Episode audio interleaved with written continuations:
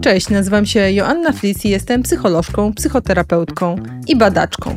W 2023 roku postanowiłam odkryć, jak to jest żyć po dorosłemu. Często bowiem lubimy myśleć, że dojrzałość jest dla nudziarzy, którym bliżej do kapci niż do ciekawego życia. Czasem wydaje nam się, że dojrzałość bierze się z wieku, a nie ze stanu umysłu. Ja uważam zupełnie inaczej i właśnie dlatego w drugiej serii podcastu Madame Monday przekonam Cię, że dorosłość zaczyna się, gdy odkrywasz, że życie rozczarowuje, a dojrzałość, gdy mimo to potrafisz przeżyć je dobrze. Przeżyjmy zatem je dobrze razem, po dorosłemu. Ten podcast powstaje dzięki patronom na Patronite, a mnie znajdziesz na Instagramie i na Facebooku pod hasłem psycholożka Joanna Flis. Cześć, dzień dobry, witam Was serdecznie w kolejnym odcinku podcastu Madame Monday po dorosłemu. Rozpoczynamy luty. E, to oznacza, że e, żurawie już e, zawitały do Polski i to oznacza, że przed nami wspaniały czas odrodzenia i coraz dłuższego dnia i tym bardziej chętnie i entuzjastycznie staram się Was namówić na codzienną aktywność fizyczną z nami w takim projekcie Power Walk prowadzonym przez Mateusza Kusznierewicza. Codziennie o 6.15 na YouTubie spotykamy się w fantastycznym gronie osób z nami spacerujących i codziennie osób, które dzielą się swoją wiedzą i sposobem na życie. I w ten sposób zaczynamy każdy dzień i mam nadzieję, że bardzo podobnie jak w styczniu Power Walk w lutym będzie power i że dzięki tym łokom będziemy wszyscy czuli się trochę lepiej. A ja dziś przychodzę do Was e, z tematem solo, ale mam nadzieję, że e, będzie on dla Was atrakcyjny i interesujący, bo o tym jeszcze e, w Madame Monday nie było. I myślę sobie, że dla wielu z Was temat ten może być odkrywczy. Mam nadzieję, że weźmiecie z niego coś dla siebie. Dzisiaj przygotowałam dla Was odcinek na temat lęku separacyjnego, ale nie tego lęku separacyjnego, który pojawia się u dzieci, który nam się z dziećmi kojarzy, ale tego lęku separacyjnego, którego doświadczają dorośli często nieświadomi tego, że właśnie e, to zaburzenie, bo jest to jedno z zaburzeń lękowych, może dotyczyć ich w dorosłości. Kiedy myślimy w ogóle o lęku separacyjnym, to najczęściej myślimy właśnie o małym dziecku, które jest wczepione w matkę ojca, głównego opiekuna, e, tak bardzo wczepione, e, jak tylko potrafi, które reaguje ogromnym niepokojem, lękiem, dyskomfortem na samą myśl o tym, e, że ma się od tego głównego opiekuna oddzielić. I oczywiście jest to naturalny stan dla małych dzieci wtedy, kiedy one dopiero uczą się autonomii i są w procesie właśnie separowania, ale im dłużej trwa, im bardziej narasta doświadczenie lęku separacyjnego, e, tym bardziej zaczynamy myśleć o nim jako mm, takim lęku chorobowym już, który utrudnia rozwój, autonomię, utrudnia bezpieczne wędrowanie po świecie. No i w zasadzie najczęściej mówimy o lęku separacyjnym w kontekście małych dzieci albo niemowląt. Myślimy sobie o tych przedszkolakach i dzieciach wczesnoszkolnych, które, które płaczą w drodze do szkoły, do przedszkola, którym bardzo trudno jest się rozstać.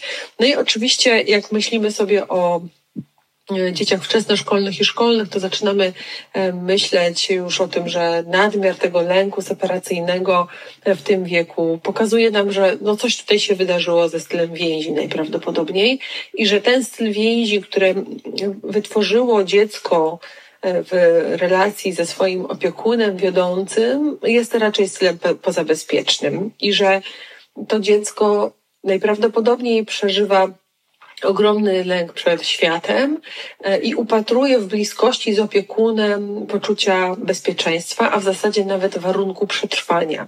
Stąd to dziecko będzie się skarżyło nawet wtedy, kiedy ma zostać z innymi znanymi sobie osobami, czyli nie będzie chciał zostać z drugim opiekunem, w tym wypadku być może ojcem, być może matką, z dziadkami, ma kłopot z zostawaniem ze starszym rodzeństwem, albo przeżywa silny niepokój za każdym razem, kiedy idzie do tej samej szkoły i do tej samej klasy.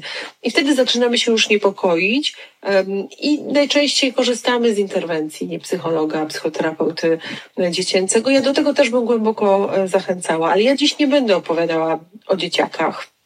Choć warto wiedzieć, że czasem my jako dorośli ten lęk wspieramy. Ja Ci opowiem o dorosłych, bo lęk separacyjny jest zaburzeniem, które pomijamy. To znaczy najczęściej ludzie jak przychodzą do gabinetu terapeuty, to mówią o tym, że są zależni, mają osobowość zależną, albo mają skłonność do nadmiernego kontrolowania swojej partnerki, swojego partnera, że są takimi e, control freakami albo people pleasurami, takimi osobami, które robią wszystko, żeby się przypodobać swojemu partnerowi, partnerce w relacji romantycznej, e, albo że przeżywają lęk przed opuszczonym gniazdem, bardzo przeżywają lęk związany y, z dorastaniem, separowaniem się własnego dziecka, albo opowiadają o tym, że cierpią na natrętne y, myśli, takie katastroficzne na temat tego, co może przytrafić się im blis ich bliskim.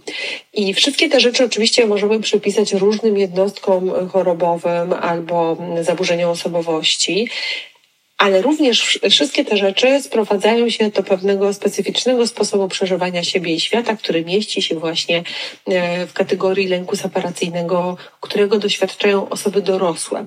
U osób dorosłych on nie jest taki bezpośredni. Raczej nie znajdziemy taką osobę dorosłą, która rzuca się na swojego partnera i partnerkę chwytając e, się nogawki i nie dając e, odczepić za wszelką cenę. I raczej my dorośli jesteśmy nauczeni maskować nasze lęki separacyjne, ponieważ one nie są akceptowane te zachowania pod wpływem lęku separacyjnego nie są akceptowane przez społeczeństwo u osób dorosłych. Nie wyobrażamy sobie kogoś, kto e, mówi wprost o tym, że jeżeli zostanę sama w domu, to boję się, że mm, nie przeżyję, nie przetrwam, albo nie pójdę sama na zakupy, bo boję się zostawić mojego partnera, partnerkę na pięć minut samą w domu, bo natychmiast wyobrażam sobie, że coś mu się e, albo jej przytrafi.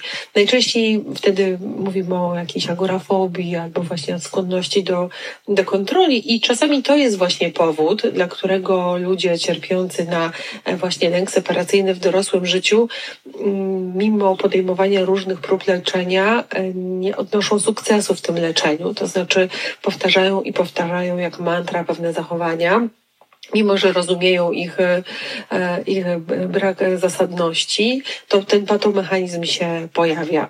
No i często to są takie osoby, które mm, na pierwszy rzut oka spełniają jakieś kryteria takiej nadopiekuńczości wobec e, swoich dzieci, wobec swoich partnerów albo na przykład wobec swoich e, starzejących się rodziców. To jest takie charakterystyczne, że ta no, nadopiekuńczość, e, im większe jest prawdopodobieństwo utracenia kogoś ważnego i bliskiego, na przykład w przypadku rodziców, tym bardziej ta nadopiekuńczość lubi przyjmować formę właśnie takiej kontroli, walki na przykład z bardzo już chorującymi starszymi starszymi osobami o to, czy te osoby zjedzą ten kawałek ciastka, e, czy niekoniecznie. E, I, i to widzimy czasami e, w relacji z rodzicami odchodzącymi, kiedy dzieci no, mają kłopot z puszczeniem tych swoich rodziców i kłopot z takim byciu w tych ostatnich e, tygodniach, miesiącach, ponieważ ten lęk separacyjny tak bardzo narasta, lęk przed utratą tego głównego opiekuna, opiekunki tak bardzo narasta, że zachowania stają się pełne przemocy po prostu i nagle się okazuje, że komuś zostało kilka miesięcy życia, a dziecko dorosły już człowiek w regresie walczy o to, czy rodzic przestanie jeść cukier, czy nie przestanie tego cukru jeść, bo na przykład wierzy w to, że niejedzenie tego cukru być może tego rodzica ocali. Więc tutaj może się pojawić nadopiekuńczość. Są to często osoby, które y, mają skłonność do takiego ciągłego, natrętnego, a, a nawet takiego uporczywego wyobrażania sobie, oczywiście nieświadomego, tylko to po prostu przychodzi sytuacji, w których ich bliskim dzieje się coś złego. Tych katastroficznych i natrętnych myśli może być e, bardzo, bardzo dużo.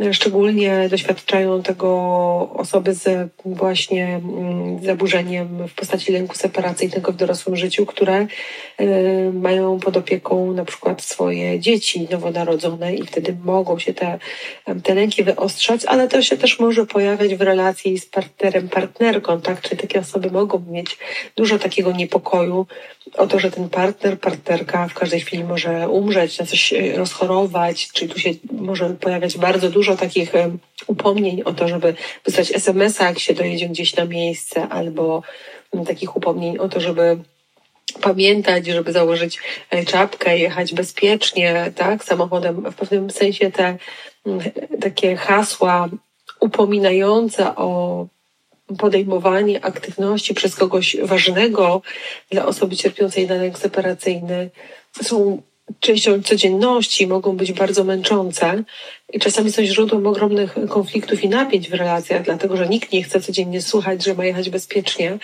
nikt nie chce być w ten sposób traktowany, ale trzeba pamiętać, że osoba z lękiem separacyjnym no, no nie potrafi sobie poradzić z tym narastającym lękiem. Więc bardzo często te scenariusze, które sobie te, ci ludzie niestety wyobrażają, to są scenariusze, które służą y, takiemu ćwiczeniu metod zabezpieczania się, tak? Czyli wyobrażam sobie, co najgorszego może się przytrafić komuś z moich bliskich, a potem staram się y, jakoś na to reagować, czyli właśnie upominać tych moich bliskich, upominać ich o bezpieczeństwo, o to, żeby jechali wolniej, a czasem y, im bardziej ten lęk separacyjny narasta, y, to zachowanie przeradza się w takie intensywne próby utrzymania kogoś w domu, zabraniania temu komuś podejmowania na przykład jakiejś aktywności fizycznej, która może być y, w opinii takiej osoby zagrażająca życiu, albo samodzielnego wychodzenia na zewnątrz. To można powiedzieć, że lęk separacyjny u kogoś dorosłego na pewno będzie rzutował na związek, w którym ta osoba przebywa i na pewno będzie drugą osobę w związku bardzo ograniczał. Czyli im większy ten lęk separacyjny, tym więcej będzie zachowań kontrolujących i takich zachowań, które przytrzymują osobę, o którą ktoś cierpiący na lęk separacyjny się boi, przytrzymują w domu i ograniczają tej osobie naturalną eksplorację świata, ciekawość, jakąś potrzebę też stymulacji, czasami rozrywki. Są to osoby, które wykonują setki telefonów w ciągu dnia, telefonów y, kontrolujących, sprawdzających, upominających. I są to osoby, które rzeczywiście potrafią być w tym uporczywe. Kiedy nie wiemy, że to jest lęk separacyjny, to możemy to nazwać potrzebą kontroli albo właśnie dominacji nad partnerem, partnerką. Ale kiedy spojrzymy na to jako, jak na mm, zachowania, których ktoś dopuszcza się pod wpływem lęku separacyjnego, takie zaborcze albo zazdrosne zachowania, które się pojawiają, to wtedy widzimy, że one pełnią inną funkcję niż to, co nam się wydawało wcześniej. Czyli tutaj nikt nikogo nie chce zdominować, mm, po prostu mamy osobę, która panicznie boi się utraty obiektu i pod wpływem tej tego panicznie przeżywanego lęku regresuje się do roli dziecka i jak dziecko próbuje trzymać obiekt za spódnicę, przytrzymując za wszelką cenę przy sobie.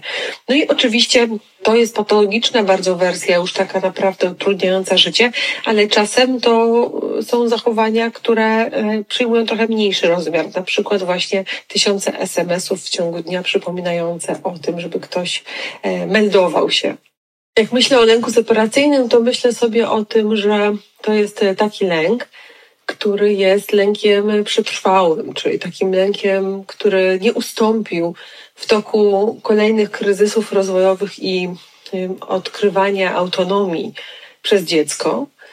I ten lęk przetrwa w tym momencie, czyli jakby stanie się częścią naszej codzienności wtedy, kiedy właśnie styl więzi, jaki łączył głównego opiekuna i dziecko nie był stylem bezpiecznym i kiedy dziecko w procesie separacji wytworzy w sobie głębokie poczucie, że świat po pierwsze nie jest bezpiecznym miejscem, że nikomu nie można ufać, że nie ma w sobie wystarczających zasobów do tego, aby przetrwać, że świat jest nieprzewidywalny i że bywa ambiwalentny, tak? Czyli że czasem ci ludzie w świecie i w ogóle świat, życie jako takie nas krzywdzi, a czasem nas głaszcze po głowie.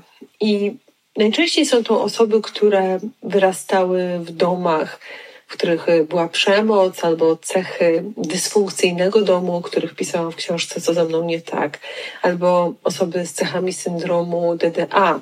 Powiedziałabym nawet, że w tych dwóch grupach DDD i DDA jest bardzo dużo osób, które jednocześnie poza syndromami i poza stylem więzi pozabezpiecznym mają w sobie bardzo duży potencjał przetrwałego lęku separacyjnego, który w sytuacjach na przykład jakiegoś zmęczenia, dużego stresu albo wejścia w głęboką relację e, miłosną, intymną, romantyczną, albo w takich okolicznościach, w których e, ci ludzie właśnie regresują się z powodu jakichś zdarzeń zewnętrznych, które sprawiają, że ich styl pozabezpieczny, narasta w sile, powiedziałabym, że staje się bardziej wyrazisty, to w tych okolicznościach ludzie ci najbardziej doświadczają lęku separacyjnego, który determinuje podejmowanie określonych zachowań. Ale oczywiście są też osoby, które od dzieciństwa z tym lękiem separacyjnym sobie wędrują i najpierw e, on się manifestuje w relacji z głównym opiekunem, potem się manifestuje w relacji z przyjaciółmi, przed utratą których ludzie się bardzo boją i dlatego robią różne rzeczy po to, aby nie być odrzuconym, porzuconym. To są to często też te osoby, które nie potrafią ustanawiać granic nawet wtedy, kiedy są krzywdzone, które bardzo szybko wybaczają bez żadnego zapewnienia z drugiej strony, że ta osoba zmieni swoje zachowania. To są osoby, które tłumaczą swoich oprawców na różne sposoby, albo są to takie osoby, które w zasadzie nie przywiązują się do nikogo, tylko tak um, przerzucają z miejsca do miejsca, tak z obiektu na obiekt, na którym przez jakiś czas to jest bardzo brzydkie określenie, ale tak wiszą, tak można by było to nazwać. E, często są to osoby, które w dorosłym życiu budują związki symbiotyczne, e, bo lęk separacyjny w dzieciństwie właśnie z takiego związku symbiotycznego też pochodzi. Czyli bardzo często rodzic, który ma cechy e, lęku separacyjnego w dorosłym życiu, wychowuje też dzieci u których rozbudza ten rodzaj niepokoju. I ja bym powiedziała, że są takie trzy obszary, w których możecie zauważyć u siebie cechy lęku separacyjnego. To jest obszar relacji z własnymi dziećmi, czyli wtedy, kiedy właśnie przytrzymujemy te dzieci, histerycznie boimy się o ich zdrowie, pojawiają się, pojawia się skłonność do nadopiekuńczości, pojawia się skłonność do mm, przeceniania pewnych zagrożeń, niebezpieczeństwa pojawia się przedwcze przedwczesna e, panika związana z tym, że dziecko rośnie, dorasta. Trudno nam też wtedy zaakceptować te wszystkie e, dziecięce e, próby separacji, czyli większą mobilność własnego dziecka, jego odmienność poglądów, skłonność do samodzielnego podejmowania decyzji. Czyli tutaj widzimy, że ewidentnie taka osoba z lękiem separacyjnym na to swoje dziecko lubi patrzeć jak na dziecko młodsze, wymagające opieki. Często są to też rodzice, którzy tym dzieciom wymawiają pewne rzeczy, oczywiście często nieświadomie, na przykład to, że te dzieci sobie same nie poradzą, albo dużo pewnych cech związanych z separacją się nie nadają, czyli ty nie jesteś w stanie sam mieszkać, sama mieszkać, e, ty bez mamy sobie nie poradzisz, choć lepiej zrobisz to ze mną, czyli wszystkie takie przejawy oddalania i separowania się przez dziecko są przez tego rodzica traktowane jako wybitnie zagrażająca. Drugi obszar to jest obszar relacji z własnymi rodzicami, czyli wtedy, kiedy taka dorosła osoba jest w nadmiernej relacji z własnymi rodzicami, sprawdza tych własnych rodziców, kontroluje ich, można powiedzieć, nie żyje swoim własnym życiem. No, czasami mówimy, że to jest taki mamisynek albo taka, nie wiem jak powiedzieć o córeczce mamusi, która do tej mamy ze wszystkim dzwoni po wszystko, ale ewidentnie widzimy, że tutaj to znaczące miejsce w życiu takiej osoby z lękiem separacyjnym zajmują jej rodzice, którzy stają trochę na przeszkodzie do zbudowania jakiejkolwiek relacji, głębokiej relacji z innymi ludźmi e, dorosłymi, i tutaj też mogą pojawiać się takie skłonności do tego, aby z tymi rodzicami wszystko konsultować albo bać się im mówić różne rzeczy z lęku przed byciem właśnie odrzuconym. Zresztą tutaj mamy taki związek szczególny, w którym ta druga strona lubi na te lęki separacyjne odpowiadać. To znaczy ten rodzic, który ma dziecko, które wszystko z nim konsultuje, on też na przykład bardzo tak niefajnie reaguje na brak tej konsultacji, czyli obraża się, upomina się, upomina się o częsty kontakt albo albo aktywizuje właśnie jakieś różne strategie przywoływania tego dziecka. Na przykład natychmiast zaczyna chorować, gorzej, się czuć, wymagać opieki, albo każe chłodem, niedostępnością, nie odbiera telefonów, jak dziecko się spóźnia, albo jak wybiera na przykład towarzystwo e, przyjaciół, partnera, to, to musi się liczyć z obrazą mamy, taty, nie wiem, zbliżają się święta, rodzicom trudno jest przyjąć, że dziecko spędza e, czas na przykład z rodziną partnera, potem każą to dziecko miesiącami ciszy i żeby była jasność. E, mówię tutaj o dorosłych, rodzicach dorosłych dzieci. Tutaj też mogą pojawiać się zachowania e, takie związane z lękiem, z życiem po swojemu, ale często też u takich dorosłych osób z lękiem separacyjnym wobec własnego głównego opiekuna, czyli już dorosłych rodziców pojawia się taka wtórna bezradność, manifestowanie nieporadności, częste regresowanie się, czyli taka osoba z każdym rokiem po prostu radzi sobie gorzej, wymaga coraz więcej opieki i troski ze strony swoich rodziców, y, których odejścia, zniknięcia się panicznie boi.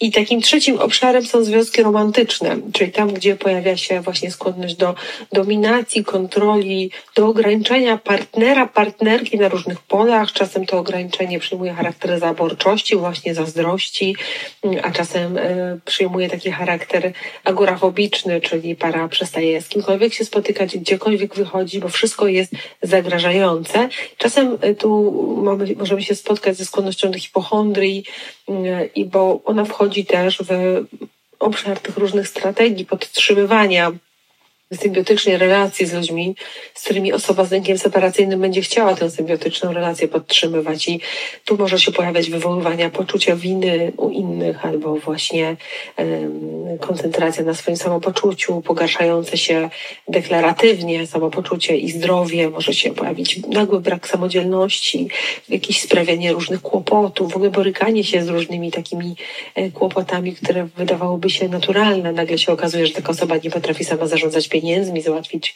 sprawy w urzędzie, pójść do lekarza, zapomina o różnych rzeczach, czyli cały czas pokazuje temu swojemu otoczeniu i sobie również, że nie jest w stanie sama e, przetrwać i sama sobie poradzić. I wśród tych strategii przytrzymywania mm, obiektu znaczącego będą te wszystkie strategie też autodestrukcyjne, tak? Czyli czasami ludzie zadają sobie pytanie, dlaczego ja sobie to robię, sama sobie podkładam nogę, cały czas wymagam jakiejś opieki, cały czas ktoś musi mi mówić, e, co powinnam zrobić, cały czas ktoś musi za mnie podejmować e, decyzje, ważne decyzje życiowe.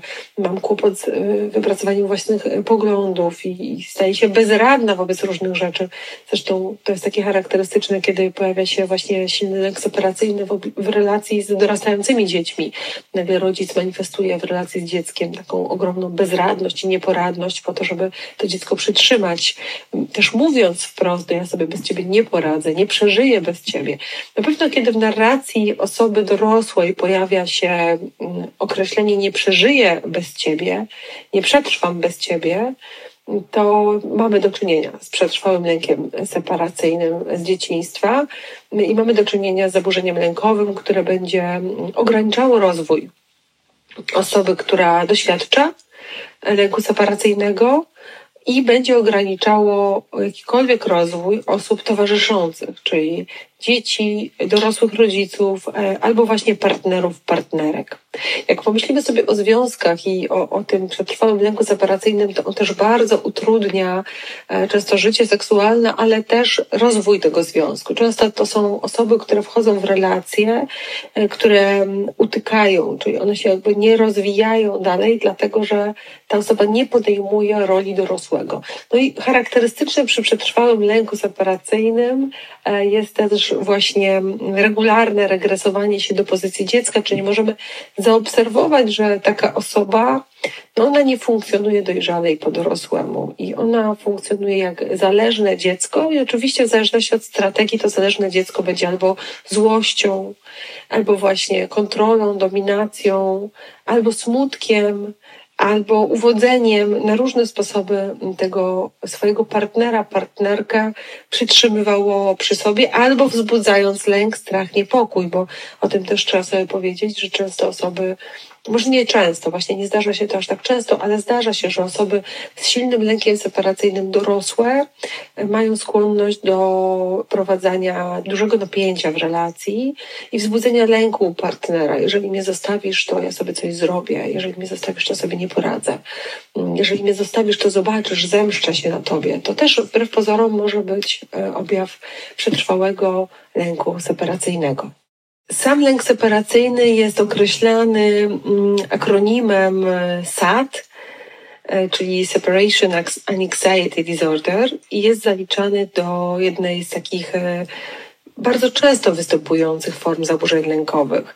I to jest taki rodzaj zaburzenia, który najbardziej skrótowo możemy zdefiniować jako e, niewspółmierną do danej sytuacji obawę przed rozstaniem z bliskimi osobami. Taka osoba bardzo często czuje głęboki lęk, kiedy myśli o tym, że jej bliscy mają wyjechać, wyjść, wyjść na zakupy sami, wyjechać na wyjazd jakiś, nie wiem, z pracy, albo wyjechać w jakąś daleką podróż, dzieci wyjść do szkoły, pojechać na kolonię, na obóz, w takim bardzo patologicznym wymiarze. Na przykład rodzice, którzy są po rozwodzie i mają przetrwały lęk separacyjny, mogą czuć ogromny lęk przed tym, że dziecko idzie na weekend do drugiego rodzica i że nie mają do tego dziecka w tym czasie dostępu. I to jest bardzo charakterystyczne, ale też ogromny lęk wtedy, kiedy na przykład partner, partnerka wyjeżdżają na weekend, na przykład z pracy albo z przyjaciółmi, albo na jakieś szkolenie. No, czasami y, przecież pracujemy, odpoczywamy i robimy różne rzeczy wcale nie, nie w relacji, w której na co dzień jesteśmy i to jest ok. Natomiast osoby cierpiące na lęk separacyjny będą czuły głęboki niepokój. Mogą się pojawiać problemy ze snem, e, ciągłe kontrolowanie, sprawdzanie, przymusy dzwonienia, nie, niemożność zajęcia się swoimi sprawami, nadmiernie katastroficzne myślenie właśnie o tym, co się wydarzy. I w początkowej fazie rozwoju, najczęściej między 9 a 11 miesiącem życia dziecka, e, lęk separacyjny jest kompletnie naturalny. To znaczy to, że dziecko w taki sposób nadmiarowy reaguje na to, że rodzic wyjdzie do toalety, wziąć prysznic jest normą. To jest normalne. Potem ten lęk separacyjny między trzecim a piątym rokiem życia zaczyna przyjmować trochę inną formę, ale nadal jest normatywny. To jest, to jest okej, okay, że on się pojawia. Dziecko nie ma jeszcze takich zasobów, żeby samodzielnie poruszać się po tym świecie, więc reaguje niepokojem na nieobecność. Ale o sytuacji patologicznej mówimy wtedy, kiedy z wiekiem natęża się ilość tych reakcji lękowych i y, ten lęk separacyjny zaczyna utrudniać życie. Ja Wam powiedziałam o takich przyczynach lęku separacyjnego związanych z tym, jak funkcjonował dom i e, jak e, funkcjonowali opiekunowie główni osoby cierpiącej na przetrwały lęk separacyjny, ale czasem ten lęk separacyjny pojawia się też w wyniku czynników e, biologicznych. Nie tylko czynników psychologicznych i wpływów środowiskowych, ale też w kontekście czynników biologicznych, czyli niektóre osoby mają większą skłonność do zachorowania na po prostu tę jednostkę chorobową, bo lęk separacyjny może mieć podłoże biologiczne i jest najczęściej zaburzeniem niestety, ale dziedziczonym i na przykład ryzyko wystąpienia lęku separacyjnego u dzieci osób, które chorowały na depresję, będzie wyższe niż tam, gdzie występowały inne schorzenia psychiczne. Czyli widzicie, że to jest tak, że lęk separacyjny lubi sobie iść za rączkę i w parze z innymi zaburzeniami e, nastroju, w tym z depresją. Na pewno lęk separacyjny przetrwały może być też skutkiem tego, że wychowywali nas nadopiekuńczy rodzice. Nie tylko tacy, którzy e, byli zaniedbujący, ale też tacy, którzy byli nadopiekuńczy. I niedobór tej opieki rodzicielskiej i nadmiar tej uwagi może generować lęki separacyjne. I no, w zasadzie też trudności różne sytuacyjne mogą być takim istotnym czynnikiem, szczególnie konflikty okołorozwodowe rodziców, i, a nawet nie tylko okołorozwodowe, konflikty opiekunów dziecka mogą wpływać na to, że ten lęk separacyjny się, słuchajcie, pojawi. On się będzie objawiał na różne sposoby. To, co Wam powiedziałam, u dorosłych, czyli ta próba kontrolowania i te różne strategie przywoływania tego opiekuna, to jest jakby jedna historia. Dlatego, że to, to jest jakiś repertuar, który nam towarzyszy. I teraz możecie sobie zadać pytanie, no jak ja często reaguję paniką tylko dlatego, że mój partner, moja partnerka nie odebrał telefonu przez 10 minut albo przez godzinę, nie odzwonił, nie odpisał. Co ja wtedy czuję? Czy ja czuję jakiś rodzaj takiego, takiej ciekawości, to mi się wydaje nietypowe, albo myślę sobie, no dobra, okej, okay, będzie miał chwilę, to zadzwoni, czy od razu y, pojawia się we mnie niepokój, strach i najgorsze z możliwych myśli o tym, że pewnie coś mu się przytrafiło, albo właśnie mnie porzucił. E, co czujesz, kiedy twoja mama, ojciec nie odbierają na przykład, albo kiedy twoi, twoje dzieci? Jeżeli pierwszą rzeczą jest taki lekki niepokój, nad którym jesteś w stanie dzięki pracy takiej mentalnej zapanować, czyli wytłumaczyć sobie, okej, okay, nic się nie dzieje, gdyby coś się działo, na pewno bym się o tym dowiedziała. No różne tutaj strategie samoukajania, to jest okej. Okay. Ale jeżeli jest tak, że ten lęk narasta i potem ty już krążysz jak ten sęp wokół tego telefonu i sprawdzasz milion razy, czy ta osoba odebrała, nie odebrała, była, nie była, a jeszcze jak masz taką skłonność do tego, żeby na przykład, nie wiem, przewertować e, Facebook, Instagram, sprawdzić, kiedy ta osoba była i co robiła, e, to masz prawie jak w banku to, że elementy lęku separacyjnego są częścią twojego wyposażenia, bo reagujesz nadmiarowo, nieadekwatnie do sytuacji. Poza tymi rzeczami e, i tymi strategiami męczącymi dla ciebie i dla otoczenia, lęk separacyjny może się objawiać też w formie różnych dolegliwości, na przykład somatycznych.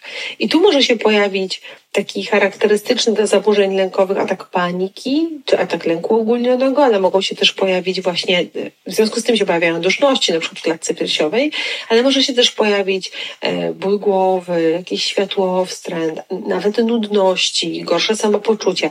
Może się pojawić od razu samopoczucie sugerujące przeziębienie, tak? Czyli taki stan podgorączkowy, ból brzucha, ból głowy, problemy z koncentracją, problemy ze snem, tak nie wiadomo, czy to jest grypa, czy to jest y, grypa jelitowa, jakiś rodzaj zatrucia, co tutaj się ze mną dzieje, czy to jest migrena, czyli to cały taki repertuar somatyczny się pojawia. I czasami jest tak, że nie mamy bardzo rozbudowanego repertuaru związanego z zachowaniami wprost przywołującymi obiekt, ale mamy na przykład bardzo rozbudowany repertuar yy, zwracania uwagi przez opiekuna głównego, a w zasadzie obiekt, na którym nam zależy, ale my patrzymy na ten obiekt, na, na opiekuna głównego. Widzicie, tutaj też może być dużo parentyfikacji, jeżeli mamy taką skłonność wobec dzieci i myślimy, że przez, bez nich nie przetrwamy, tak? I tu mamy, mm, możemy mieć świetnie rozbudowany repertuar właśnie psychosomatyczny który sprawia, że zaraz ktoś się koło nas pojawia, jakiś opiekun się koło nas pojawia, ktoś się tym naszym stanem zdrowia e, interesuje i tu wtedy może się pojawić paniczny lęk przed tym, też wyzdrowieniem, tak? To jest jeden z powodów, dla których osoby cierpiące na e, hipochondrię albo osoby, które właśnie nie zdają sobie sprawy z tego, że tymi objawami somatycznymi i manifestowaniem cierpienia załatwiają sprawę lęku separacyjnego, te osoby mogą mieć tu bardzo silny taki motyw konkurujący związany ze zdrowiem zdrowieniem, czyli to zdrowienie wcale nie jest pożądane. Z jednej strony jest pożądane, a z drugiej strony jest przeszkodą, bo pojawiają się właśnie silne, silne lęki przed samodzielnością, przed odrębnością, przed y, autonomią, przed zostaniem samym, samemu w domu, na nie byciem w żadnym związku. Jest bardzo dużo osób, które właśnie cierpią z powodu lęku separacyjnego i z tego powodu nie potrafią być same albo nie potrafią wyjść z toksycznej relacji, bo panicznie boją się samotności. Kiedy myślimy sobie o lęku separacyjnym u osób dorosłych, to leczymy je podobnie do innych zaburzeń lękowych. Czasami jest tak, że potrzebujemy wprowadzić farmakoterapię, ale najczęściej zaczynamy od podjęcia terapii jakiejś psychologicznej. Według mnie najbardziej skuteczną terapią y, jest terapia poznawczo-behawioralna w kontekście zaburzeń lękowych, w tym w kontekście lęku separacyjnego, który nie minie sam. To nie jest tak, że jak on przyszedł, to on sobie, to on sobie minie.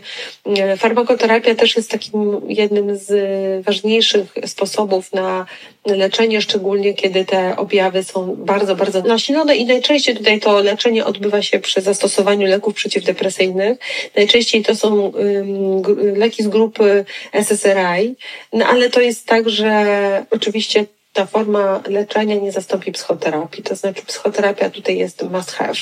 Ona się tu musi pojawić, leki lekami, natomiast my musimy dotrzeć do tego miejsca e, związanego z rozpoznaniem e, objawów lęku separacyjnego, zobaczyć nieadekwatność tego lęku separacyjnego, ale też nauczyć się różnych technik opanowywania tego lęku separacyjnego bez przywoływania opiekuna. Trochę przypomina to sytuację dziecka, które e, na placu zabaw, tak, najpierw podbiega do, do tego opiekuna i sprawdza, czy on jest, najpierw chodzi z nim za rączkę po wszystkich obiektach na placu zabaw, potem przywołuje tego opiekuna i przybiega do niego, sprawdzić, czy on jest, a potem tylko odwraca głowę i machnie, a potem to się dzieje coraz rzadziej, potrafi trzy godziny biegać na placu zabaw i, i przypomnieć sobie na przykład o opiekunie, kiedy, kiedy coś się wydarzy, tam pobije sobie, obije sobie kolano.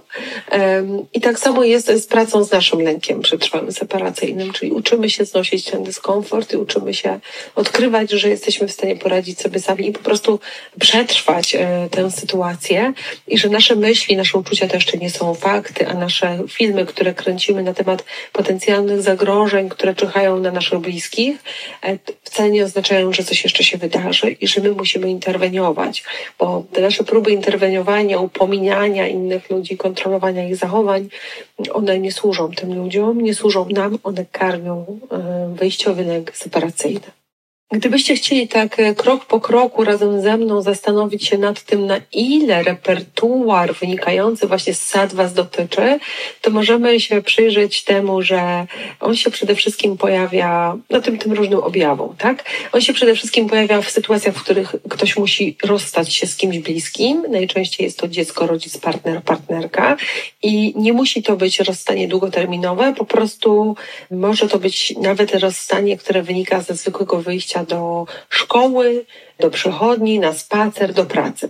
Osoba, która cierpi na lęk separacyjny, będzie bardzo silnie odczuwała niepokój i czasem jest tak, że nie zdajemy sobie z tego sprawy, ale nagle zaczynamy zaciskać szczęki, zaczyna boleć nas głowa, robi się nam jakoś tak niewygodnie, albo zaczynamy być poirytowani, kiedy musimy gdzieś wyjechać, na przykład zostawić e, swoje dziecko na jeden dzień albo na dwa dni, tak? Albo musimy wyjechać w jakąś delegację sami. Wydaje nam się, że boimy się, nie wiem, jechać pociągiem, nowego miejsca, ale to nie jest o tym. My się nie boimy nowego miejsca i pociągu, jak sobie poradzimy, tylko pojawiają się elementy lęku separacyjnego. Dlatego często osoba, która cierpi na lęki separacyjne, będzie przeżywała opór przed wychodzeniem z domu.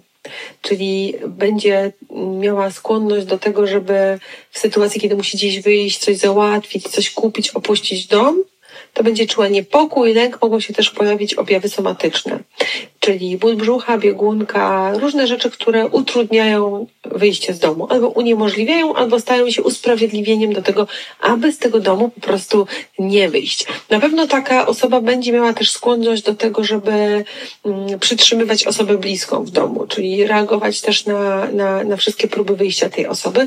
No i na to, na co należałoby zwrócić uwagę, to na to właśnie, co ja czuję, kiedy ja muszę wyjść z domu, co ja czuję, kiedy moje dzieci wychodzą z domu, co ja czuję, kiedy mój partner, partnerka wychodzą z domu, co mi się tutaj pojawia? Czy to jest jakiś niepokój, frustracja, lęk, czy od razu się boję, że coś się wydarzy, e, czy spokojnie to przyjmuję jako normalną część życia?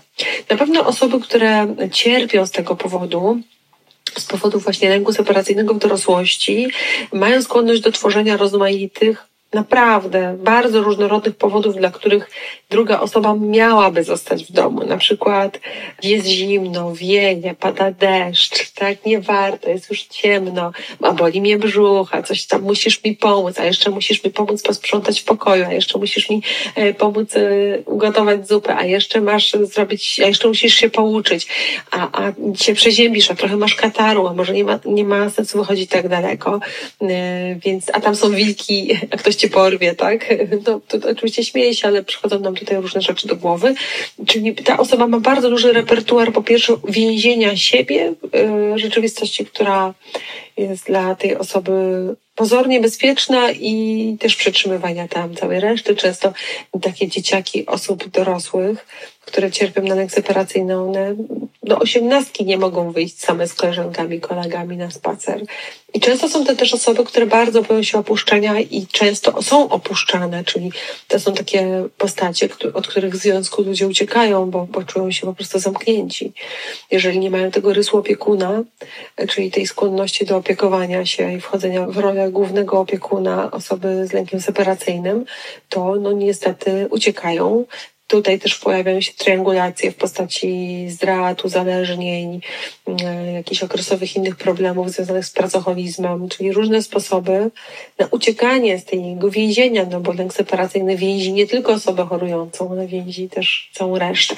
Wśród pozostałych objawów możecie rozpoznać tak doświadczenie jakiegoś ogromnego, nieadekwatnego lęku o bezpieczeństwo drugiej osoby, trudności w zasypianiu w samotności, nawet lęk przed y, ciemnością, lęk przed zasypianiem samemu w domu, kiedy y, domownicy wyjechali, lęk przed y, jakimiś y, wyobrażeniami związanymi z katastroficznymi scenami, albo przymus wyobrażania sobie negatywnych scenariuszy, napady w ogóle lęku panicznego, a u wielu osób dorosłych cierpiących na lęk separacyjny stwierdza się występowanie dolegliwości psychosomatycznych, bóle głowy, zawroty głowy, mdłości, wymioty, bóle w klatce piersiowej, kłatanie serca, bóle brzucha, to wszystko Wam powiedziałam, ale jeszcze konsekwencje lęku separacyjnego, czyli często są to osoby, które mają dużo sytuacji y, takich trudnych, w których są porzucane, odtrącane, posądzane o właśnie dominację, kontrolę, y, zresztą często słusznie, tak, bo, bo ci więzieni, y, więźniowie więzieni przez ich lęk są zmęczeni po prostu tą sytuacją, natomiast często tutaj te osoby doświadczają porzucenia, które nasila jeszcze lęk separacyjny ale mogą pojawiać się też depresje, zaburzenia nerwicowe, nerwica lękowa, czyli to różne, różne rzeczy, które korespondują właśnie z lękiem separacyjnym. No i oczywiście lęk separacyjny często jest częścią podwójnej diagnozy u osób, u których rozpoznamy też zespół lęku ogólnionego, fobię społeczną, zespół stresu pourazowego, zespół lęku napadowego czy zaburzenia osobowości. I o tym należy też e, pamiętać, że on jest często jakby częścią takiej kiści, winogron, e, różnych kłopotów związanych z emocjami, e, z afektem, z przeżywaniem siebie i świata, również ze stylem więzi, który determinuje to, jak postrzegamy rzeczywistość. Mam nadzieję, że dzisiejszy odcinek trochę rozjaśnił Wam e, specyfikę lęku separacyjnego, który pojawia się w dorosłym życiu. Jest takim lękiem przetrwałym, czymś, co może zaburzać to, w jaki sposób funkcjonujemy w relacjach, szczególnie w tych relacjach, na których nam po prostu zależy. Mam nadzieję, że to dzisiejsze spotkanie trochę zmieni Waszą perspektywę na ocenianie zachowań osób, które wydają się być dominujące, kontrolujące, zaborcze albo zawistne. Spójrzmy na to trochę łagodniejszym okiem. To nie znaczy, że nie należy zachować wobec tych zachowań i sposobów działania pewnej asertywności, ale jednak stanowczo łagodnie i, kochani, z szacunkiem, bo za każdym zachowaniem kryje się jakaś historia, jakaś niezaspokojona potrzeba, być może jakaś bolesna mm, część naszej przeszłości, którą próbujemy zaopiekować, zachowując się w sposób mniej lub bardziej racjonalny. Moi drodzy, ja Wam bardzo, bardzo dziękuję. Zapraszam Was w przyszłym tygodniu do kolejnego odcinka podcastu Madame Monday po dorosłemu. Trzymajcie się.